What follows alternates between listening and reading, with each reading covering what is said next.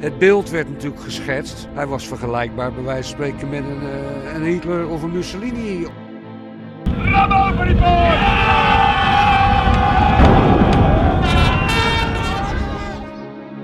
Ja, ik geloof dat er gezegd is dat het zwaard niet daar hoort, maar in Drielen. De Dag van Toen podcast. Geschiedenis uit Zuid-Holland. Met Dave Datema. Hallo en welkom bij de tweede aflevering van de Dag van Toen podcast. Een wekelijks programma over de geschiedenis van Zuid-Holland.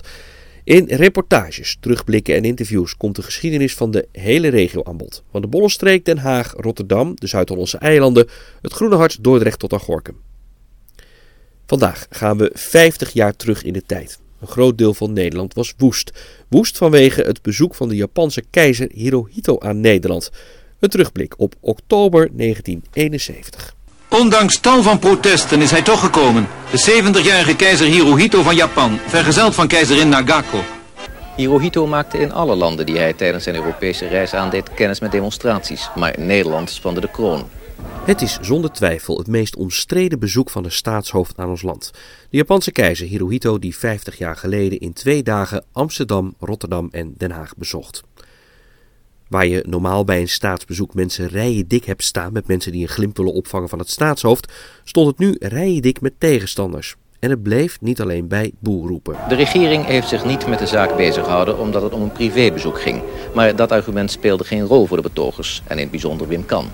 Alleen, het is alleen gekomen, enkel alleen door die schandalige stommiteit van, van onze regering die daar gewoon zegt, ja je bent welkom. En vergezeld van helikopters met rijkspolitie en Japanse veiligheidsagenten aan boord, reed hij van Schiphol in razende vaart naar Den Haag.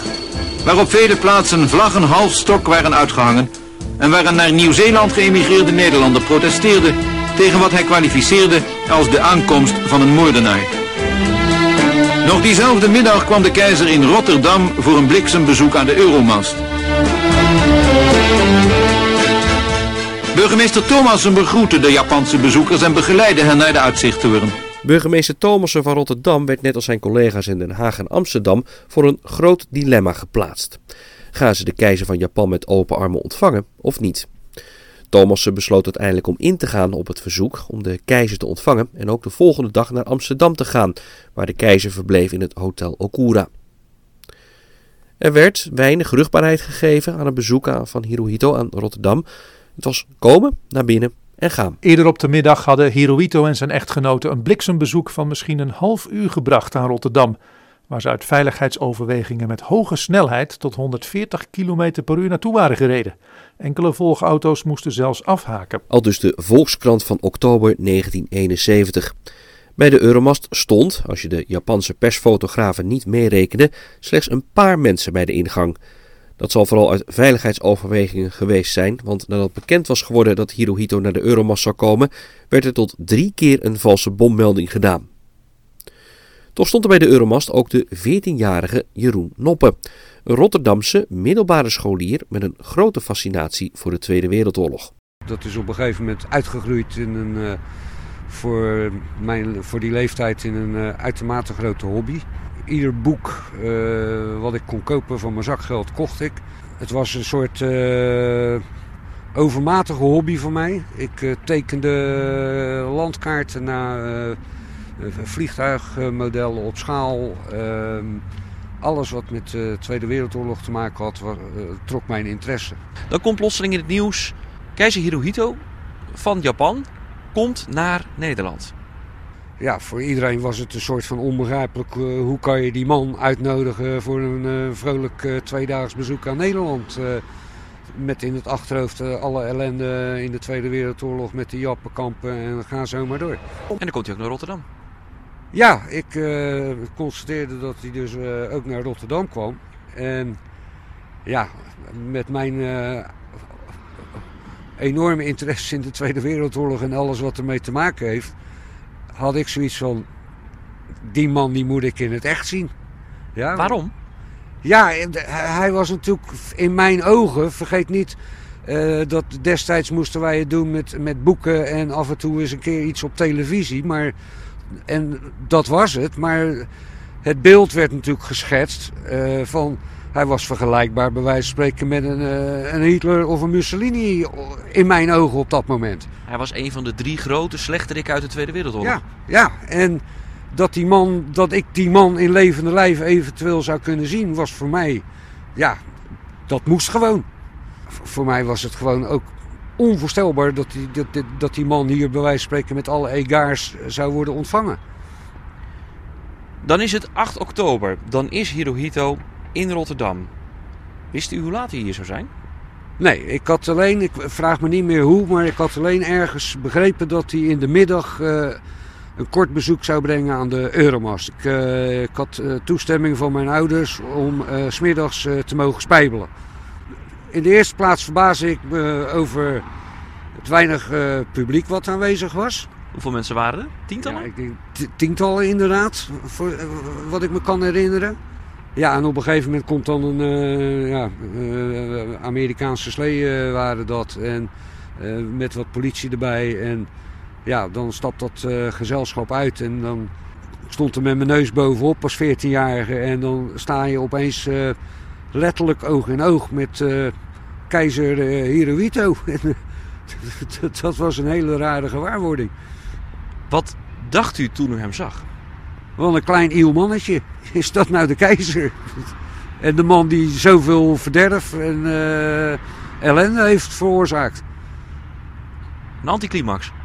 Het was voor mij een soort van anticlimax. Ik sprak Jeroen Noppen een paar jaar geleden over dit eh, bezoek van Hirohito aan Rotterdam voor Radio Rijnmond, een fragment daarvan. Hirohito werd door Thomassen dus rondgeleid door de Euromast, waarbij, volgens de journalisten ter plaatse, hij geen enkel moment de kleine verrekijker die hij had meegenomen losliet. Natuurlijk liet Rotterdam zich niet de kans ontgaan om er de keizer even op te wijzen dat hij van hier uitkeek over de grootste haven van de wereld. De burgemeester had uit het gemeentearchief een foto laten opzoeken van 50 jaar geleden, toen Hirohito als kroonprins in de Maastad was. Elke voetstap werd vereeuwigd door het legertje levende propagandisten voor de Japanse camera's. Echt tientallen fotografen waren vanuit Japan meegereisd om de keizer te volgen. En ook daar bleek een soort cultuurkloof tussen Oost en West. Enige Japanse fotografen die het schouwspel wilden vereeuwigen, hadden uit hun land aluminium trapjes meegebracht om zich boven hun grotere Europese collega's te verheffen. Het viel op dat enkele van hen, die geen trapjes gebruikten maar op banken klommen, eerst hun schoenen uittrokken. Al dus de Volkskrant.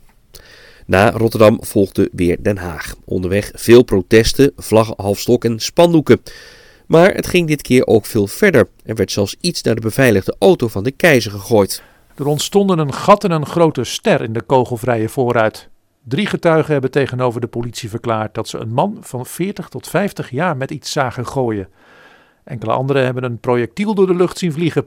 De resten Stukjes glas van een thermosfles zijn later op straat gevonden. Schrijft het Vrije Volk na het bezoek. Er wordt ook iemand opgepakt, maar of die wordt veroordeeld is niet duidelijk. Tijdens de tweede dag van het bezoek staat Amsterdam op het programma en ook daar is het onrustig. Als Hirohito met zijn gezelschap Artis binnenrijdt, hij is namelijk een groot liefhebber van dieren, proberen meerdere mensen mee naar binnen te glippen. De twee mannen die probeerden met de auto's mee de dierentuin binnen te komen, werden door politie in burger en in uniform vastgepakt, maar spoedig daarop weer losgelaten. In het nieuwe Nijlpaardenhuis kregen Jan en Tanja voor het eerst uit keizerlijke handen brood aangeboden. Juist terwijl zij aan het spelen waren. Vandaar dat Jan alleen de honneurs waarnam. Nog geen uur na zijn bezoek aan Artis arriveerde de keizer bij het Rijksmuseum, waar hem wederom een aantal betogers stond op te wachten.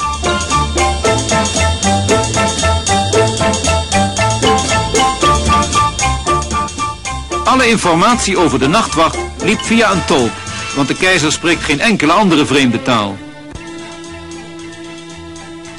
In de middag van de tweede dag werd het keizerlijk paar ontvangen op Soesdijk, waar het na de lunch opnieuw onder schot werd genomen door enkele vertegenwoordigers namens het Corps Optiek dat de bezoekers volgde en dat in totaal meer dan 100 Japanners en Nederlanders en enkele Fransen en Amerikanen telde.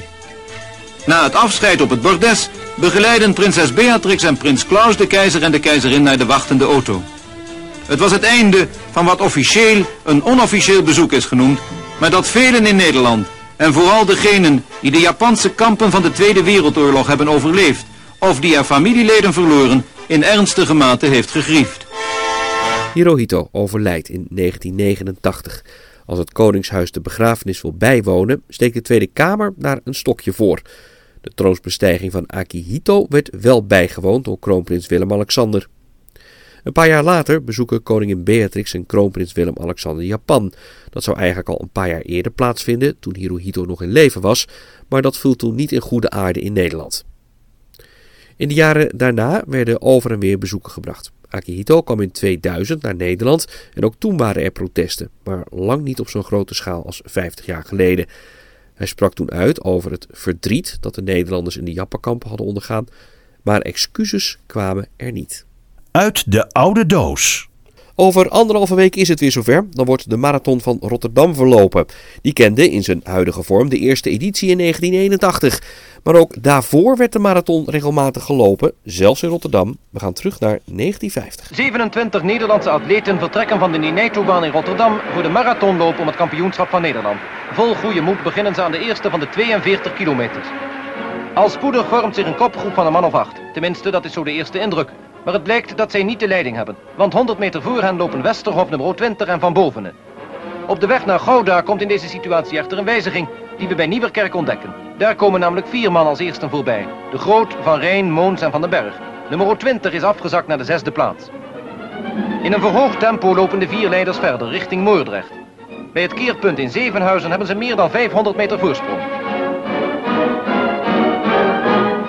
Tegen de wind in gaat het nu terug naar Rotterdam. Twee lopers, Moons nummer 9 en Van Rijn nummer 5, maken zich los van hun collega's. En tot de grens van de stad blijven ze trouw bij elkaar.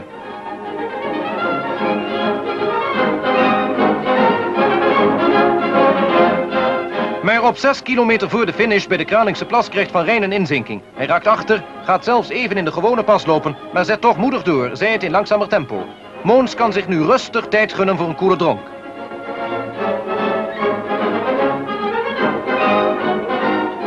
Uiterlijk nog zeer fris komt hij terug op de Nenaito-baan, waar hij als kampioen van Nederland na 2 uur 58 minuten en 12 seconden de eindstreep passeert. Geschiedenis uit jouw omgeving. Dit is de Dag van Toen podcast. Keuze, hand in de schuifpost. Pendel, vloer de trommen. In de naam van Oranje, ram over die poort. In naam van Oranje Doe Open die Poort, dat is natuurlijk onlosmakelijk verbonden met 1 april 1572, de inname van Den Briel. En daar gaan we het ook over hebben. Maar als je goed op de kalender kijkt, is het nog oktober en nog lang geen april, dat klopt. Maar de voorbereidingen voor de komende editie, wanneer het 450 jaar geleden is dat de inname van Brielen plaatsvond, die zijn al in volle gang.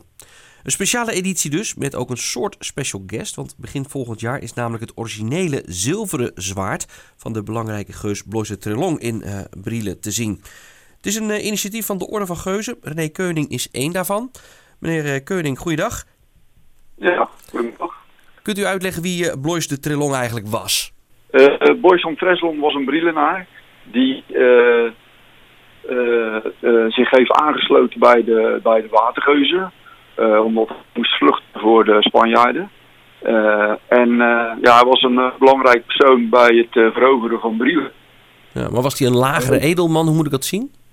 Ja, hij was een lagere edelman. En wat hij een Calvinist was ja, moest hij voor zijn leven vluchten. En dat, dat werd in de zee. Ja.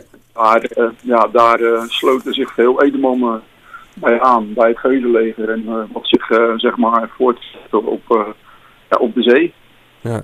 wat was zijn rol? Je zei, je zei zelf al, hij had een belangrijke rol gespeeld bij de inname van, van Den Briel. Maar wat was die rol eigenlijk? Ja, nou, hij was hij stond, uh, hij was zeg maar de tweede man van de geuzenvloot die uh, ja, voor Brielen terecht kwam uh, door een storm. de geuzen werden ontboden in Engeland, die werden daar weggestuurd. Die, die konden daar lang, ja, die konden daar zeg maar lang onderdak vinden in de havens, maar uiteindelijk werden ze dan weggestuurd. En de geuzen die, ja, die waren nogal bezig rond de Waddeneilanden. En daar waren ze ook best wel, uh, wel machtig. Omdat ze schepen hadden die, uh, ja, die uh, niet geen grote diepgang hadden. En ja, de, boys van Treslon, ja, die kwam dus met admiraal Lumey voor Brielen terecht. En ja, die hebben uiteindelijk hebben die, die Brielen veroverd. En uh, heeft ervoor gezorgd dat de Brielen niet in de brand gestoken werd en geplunderd. Omdat hij uiteindelijk zelf een Brielenaar is geweest, of was. Wat is er zo bijzonder aan dat zwaard? Nou, uh, voor, uh, voor uh, april 1572 voer hij op de Zuiderzee, Waddenzee. En zij kwamen daar met een aantal schepen kwamen zij, voor de kust van Wieringen. Kwamen ze vast te zitten in het ijs. En ja, vervolgens gingen ze aan land. Maar ja, dat ging er ook niet altijd prettig aan toe. Er werd wel veel geplunderd en geroofd. En uiteindelijk uh, ja, kregen ze steeds meer uh, uh, problemen met de bevolking. En uiteindelijk ja, is dat ontaard in, in, in vechtpartijen. En zijn ze door, door een aantal boeren, zijn er een aantal geuzen ja, omgebracht. En om zijn vege lijf te redden, heeft toen Boys van Treslon zijn zwaard aangeboden als onderpand. Uh, ja, met de belofte daar nooit meer terug te komen. En uh, heeft hij zijn zwaard ingeleverd. Toen hebben de boeren en de bevolking hebben hem geholpen uh, zijn schepen uit het ijs te hakken. want het werd allemaal nog eigenlijk, wat, de problemen werden groter. Want er kwamen ook over, over, de, het ijs, kwam er ook een kade Spanjaarden uit hoe, zie, hoe ziet dat zwaard eruit? Nou, in de, in de boeken staat dat het een groot zwaard is. Uiteindelijk valt het nog wel mee. Het is een, uh, ja, het is een, een, een, zilveren zwaard die in de Sint-Michelskerk in Wieringen hangt. Het zwaard is bewaard gebleven en hangt daar uh, eigenlijk al die tijd al in, een, in een kerk. Een zilveren zwaard, dat zal waarschijnlijk vooral voor de sier geweest zijn dan, of als, als statussymbool, moet ik dat zo zien? Ja, ja, dat denk ik wel. Hij is ook niet echt heel erg groot hij ziet er wel gebruikt uit en uh, ja, hij, hij zal zilveren onderdelen hebben. Nu is het zo dat uh, dit jaar, of tenminste de komende editie, is het zo dat uh, het 450 jaar geleden dat Brielen werd, werd bevrijd. dat staat ook onlosmakelijk verbonden met het feit dat jullie die poging hebben gedaan om dat zwaard hierheen te halen?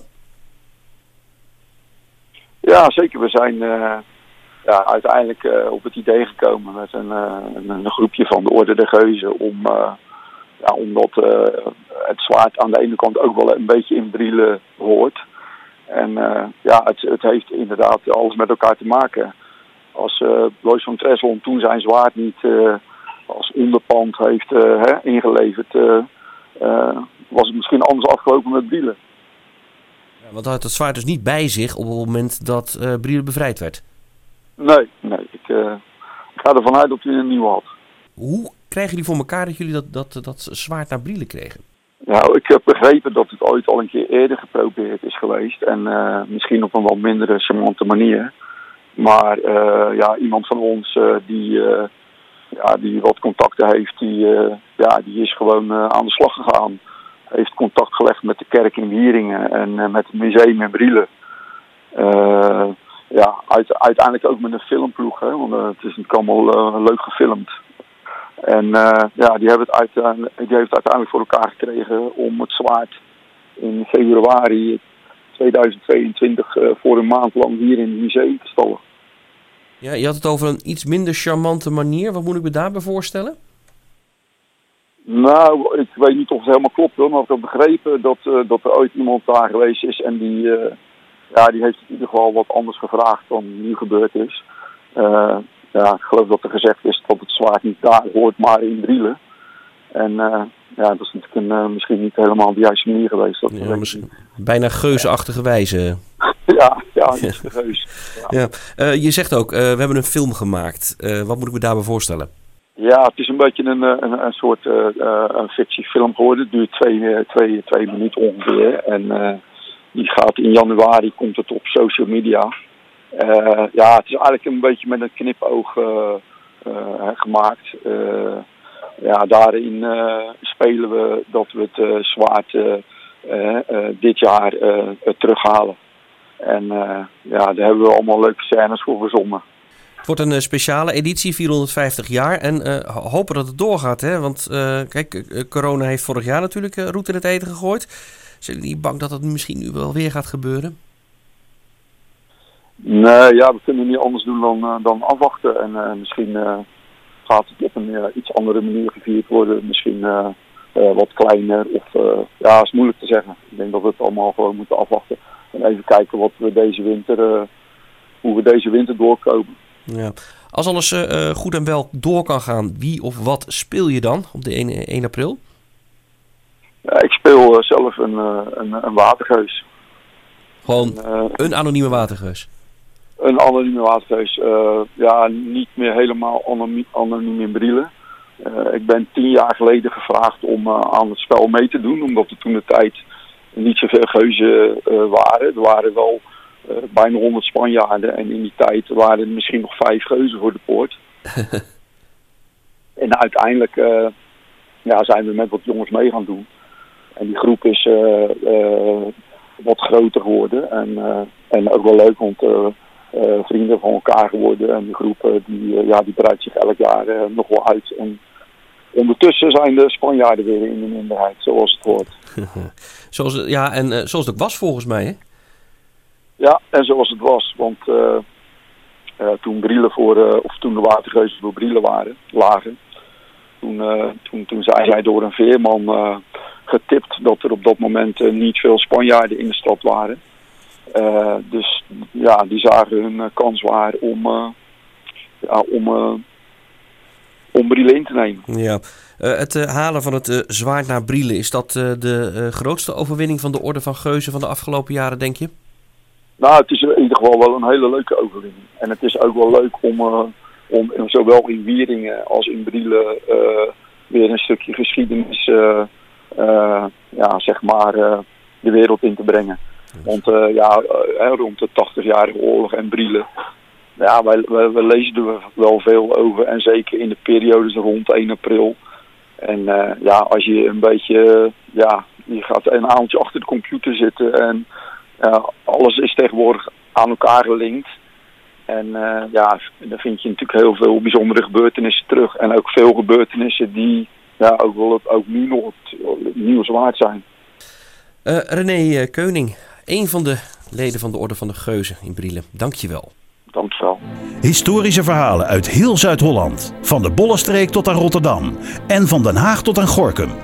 www.dagvantoen.nl tot zover de tweede aflevering van de podcast van Dag van Toen. Meer verhalen, foto's en bewegende beelden ziet u op de website dagvantoen.nl.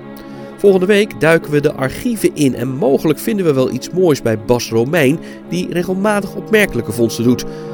Mocht u dit een fijne podcast vinden, laat dan een duimpje achter of klik op de abonneerknop, zodat u elke week een blik kan werpen in de regionale geschiedenis. Geef het door aan familie, vrienden of vage kennissen dat deze podcast best te beluisteren waard is. Opmerkingen, tips en vragen kunt u sturen naar redactie.dagvantoen.nl. Ik zeg bedankt voor het luisteren en tot volgende week.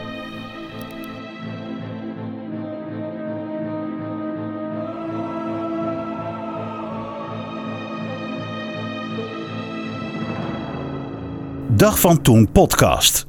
Geschiedenis uit Zuid-Holland. Die